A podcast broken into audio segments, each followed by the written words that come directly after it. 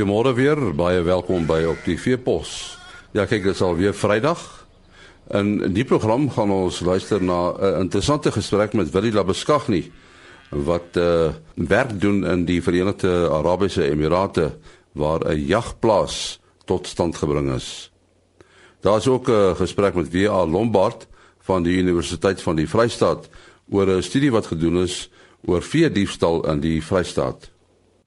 Ons het selfs met uh, Willie Labeskagni wat uh, jare gelede uh die direkteur was van die Nasionale Dieretuin in Pretoria maar uh, nou uh, op 'n ander plek werk en dit is in die Verenigde Arabiese Emirate. Uh Willie is natuurlik nog betrokke by natuurbewaring en uh, een van sy jongste projekte waarmee hy besig is is die uh, totstand koming of tot standbringing van 'n uh, 'n jagplaas. Nou 'n jagplaas in die woestyn, mense dink aan 'n jagplaas waar daar baie bome en so aan is, maar nou 'n woestyn, uh, is dit 'n ideale plek vir 'n jagplaas? En nie, ja, jy weet ek dink die voordeel wat ons bied nou en dat moet ook, ook sê dat uh, jag in die Verenigde Arabiese Emirate was tot onlangs onwettig geweest. En juis met die vestiging van hierdie jagplaas was een van die eerste struikelblokke wat ons moes oorkom het is om die wetgewing te kon aanpas en dit is nou suksesvol gedoen. Ehm uh, maar ons is gerig grootliks op die professionele jagter, die trofeejagter. En ek dink die oorgrootste meerderheid van van daai kwaliteit jagter sal juis vir jou sê dat hy wil die diere in natuurlike omgewing gaan jag.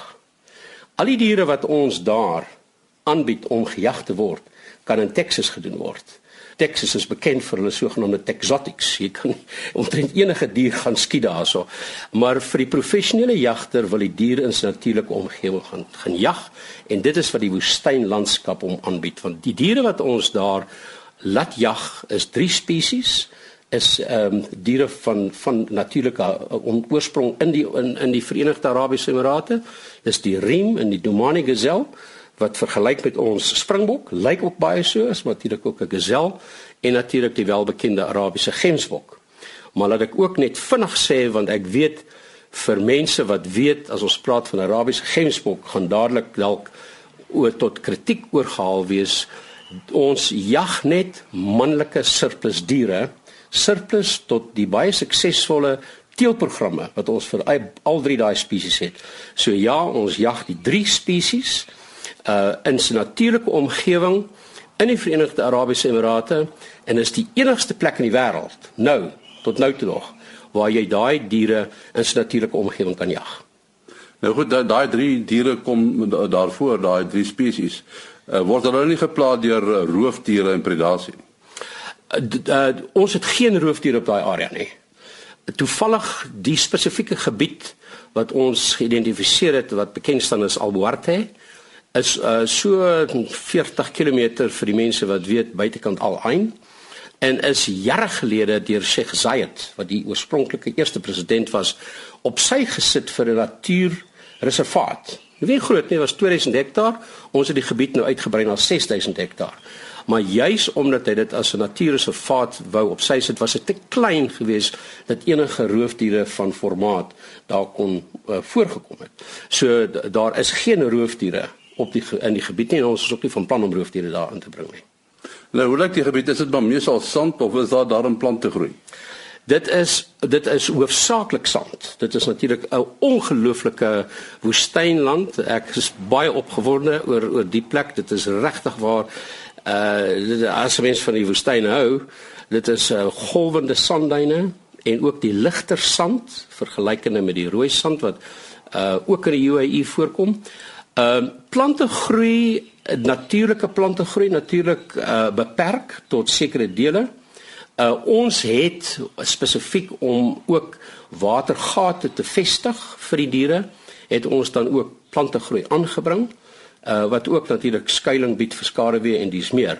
Maar die oorgrootste deel van dit is is uh, suiwer woestynland met eilbegroeide plante groei. En natuurlik 'n groot tekort aan water uiterste kort aan water. Daar is natuurlik grondwater. Uh maar daar daarvoor moet jy natuurlik nou boor. Maar uh, die die die water wat ons gebruik natuurlik vir besproeiing doeleindes is soos wat die grootste gedeelte van die Emirate is, dis ons soute seewater. Wat al die pad van die golf af gepomp word. So dis omtrent so 150 km daarvan af. Mm. En hierdie trofeejagters uh kom hulle van oor die hele wêreld? Hulle sal uit hulle sal aanvang uiteindelik van oor die hele wêreld voorkom. Omdat ons hierdie plek nou vir die eerste keer oop is, nou nou nou onlangs het ons hom vir die eerste keer geopen. Uh maar ek moet jou ook sê dit is absolute sieraad want dit dit uh, die hele opstel daar is in die vorm van 'n boedoen boedoen formaat. Met met ander woorde ons maak van tente gebruik. Uh, maar ons ontvangsarea uh, wat natuurlik insluit uh, verskillende dinge so swembaddens en konferensiesale en eetsale is die grootste area onder een dak seildak ter wêreld. En dan het ons drie soorte uh, chalets staan, die drie die een slaapkamer, die twee slaapkamer en drie slaapkamer. En hoewel ek sê dit is die Boonwoon manier van uh, tente, is dit ultra, ultra luxe Ehm um, jy gaan uh, jy gaan heelwat betaal vir vir huisvesting, maar ons is gerig daarop om 'n uh, kwaliteit jagter te huisves. En ons weet ons hierdie beroepsjagters veral uit Amerika uit, hulle is baie gesteld op hulle luksede. So hoewel ons daai primitiewe styl handhaaf, ehm um, alles is ligverkoel aan die binnekant, ehm um, en dit is dis absoluut ultra luxe.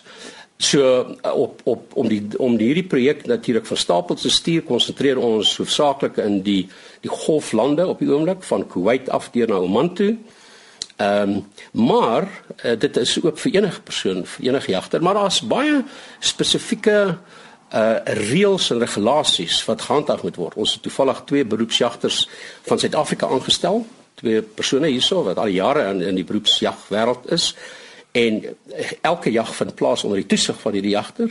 Hy word getoets voor die tyd met om te kyk of hy in staat is om 'n geweer te hanteer. En as ons jagberoepsjagter nie tevrede is met die kwaliteit van hierdie persoon nie, dan word hy gekanselleer. So ons is uiters gestel op om om die jag op 'n baie etiese wyse te hanteer daar. En is daar 'n uh, jagseisoen? Daar is 'n jagseisoen. Uh ons jagseisoen is vir 5 maande van die jaar. Dit is nou aan die gang tot hier einde einde April.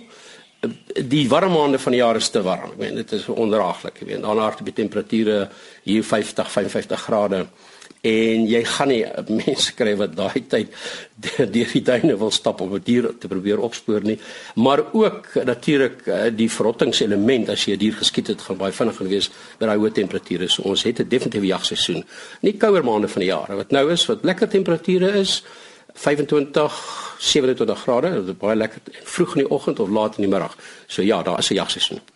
Sê baie dankie ja, wat die labbeskag nie. Ons gaan uh, nou gesels oor uh, 'n uh, studie wat gedoen is oor vee diefstal in die in die Vrystaat. En ons praat met W.A. Lombard, hy's van die eenheid uh 'n lewende hawe ekonomie uh by die departement landbouekonomie aan die Universiteit van die Vrystaat en uh, ons wil 'n bietjie met hom praat oor die studie. Uh, wat behels hierdie uh, studie oor vee diefstal uh, WA? Uh, Eerstens moet ek net erkenning gee vir die Roofvleis Navorsings en Ontwikkelingstrust of die RMRDT wat vir ons die projek befonds het. Nou die idee van die studie is om eerstens om te gaan kyk hoe groot is die ware impak van vee diefstal van ons in dat die um, offisiële statistieke nie die die ware syfers reflekteer reflektering. Ehm die tweede deel van die studie is ook om te kyk na die faktore wat vir die stel uh, beïnvloed met die idee dat as ons hierdie faktore um, identifiseer, kan ons dan manipuleer om vir die stel te verminder. Nou die die studie vind plaas in in die drie provinsies rondom Lesotho waarvan um, die Vrystaat sien dat die eerste provinsie se uh, die eerste provinsie was se nou uh, beskikbaar is. En, en uh, hierdie syfers wat jy van praat, hoe verskil dit van die amptelike statistieke?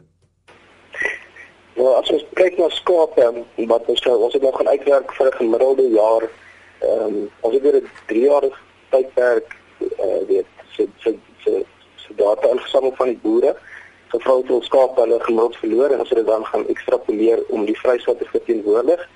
Ehm um, nou die amptelike statistieke wys op ons net ag ons amper 20000 skape per jaar verloor weens veediefstal. Maar ons het vind dit is nader aan 85000. So dit is 'n verskil van so amper 330000. Ag 330%. Dis net so skaap. Dan het ons by beeste gekry dat die die offisiële statistieke so 48% laer is as wat ons gekry het en in die geval van bokke is die offisiële statistieke so 40% laer. Ehm um, ek dink dit is nogals ding van hoe groot hierdie sal reg is. Nou, hoekom is daar hierdie groot verskil in in uh die syfers? Ja, met tydens die onderhouding met die boere, baie boere het ons gesê hulle hulle melk glad nie meer vir die vir die stok aan nie. Hulle voel dat dit nie help nie. Ehm um, jy weet so as as hulle een of twee skape verloor dit oor 'n aand so dan melk hulle eers nie aan nie. Hulle wil eerder fokus op as hulle sien maar 80 skape gevee word en as eerder die groter sake aanneem. Waar 'n ander boere ons gesê hulle nie aan dit help nie.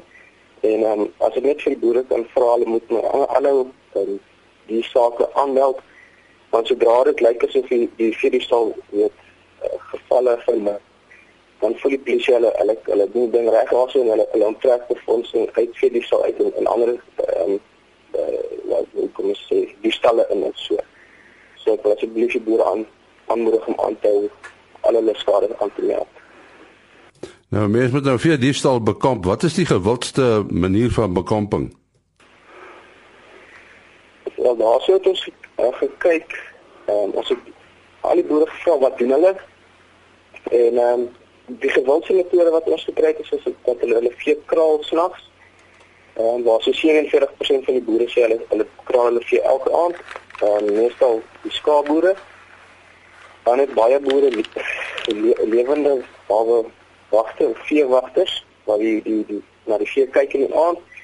Waghonde is ook baie gewild en dan hierdie hierdie netbande wat die boer bel sodra die die diere begin hardloop of gestrik het. Ehm um, dit is ook aan die aan die opinie. En dan paar van die boere het vir sosiale begin kameras gebruik, maar dit is nog maar 'n klein gedeelte van dit. Dan as ons kyk na die aksies wat die wat die boere self by betrokke is, kan ons kan ons sê is daar so 48% van die boere sê hulle hulle patrolleer ehm um, aktief gereelde basis en dan 'n verdere 15% het ons gesê hulle patrolleer gedurende problematiese tye van die jaar sien maar oor Kersfees of Paasnaweek waar hulle gewoonlik verliese ervaar het. En dan toegangsbeheer tot plase of tot wat wil ek sê, sien maar uh, distrik, boere distriks nie of so werksaam en beheer net die toegang tot daai distrik. En wat is dan die volgende fase van van die studie? Ja, soos ek eers gesê het, ons het nou die vrystaatse statistieke wat al beskikbaar is. Ehm um, die die ooskaap is dan nou die volgende een wat sal beskikbaar wees. Ons het reeds meeste van die boere al gedal wat ons wat ons kort vir die studie. Ehm um, ons kort nog so paar en as al van die luisteraars is dat gekontak word, neem asseblief deel. En dan natuurlik so sodra sodra ons klaar is met die ooskaap, gaan ons ook dan nou Natal begin bel om alle resultate te kan uitwerk. Goed, met wie moet boere in verbinding tree as hulle wil deelneem? Hulle kan sommer met met my met my kontak maak. Ek sal my selfoonnommer gee as dit reg. Ag, my telefoonnommer gee as dit reg is, is 051 401 3109. Dan sê dit was dan WA Lombard van die Universiteit van die Vrystaat oor die studie wat gedoen is. Net weer hy nommer 051 401 3109. daarmee ook die einde van ons program. Ons is maandagooggend om kwart voor 5 weer terug. Tot dan, mooi loop. Ah.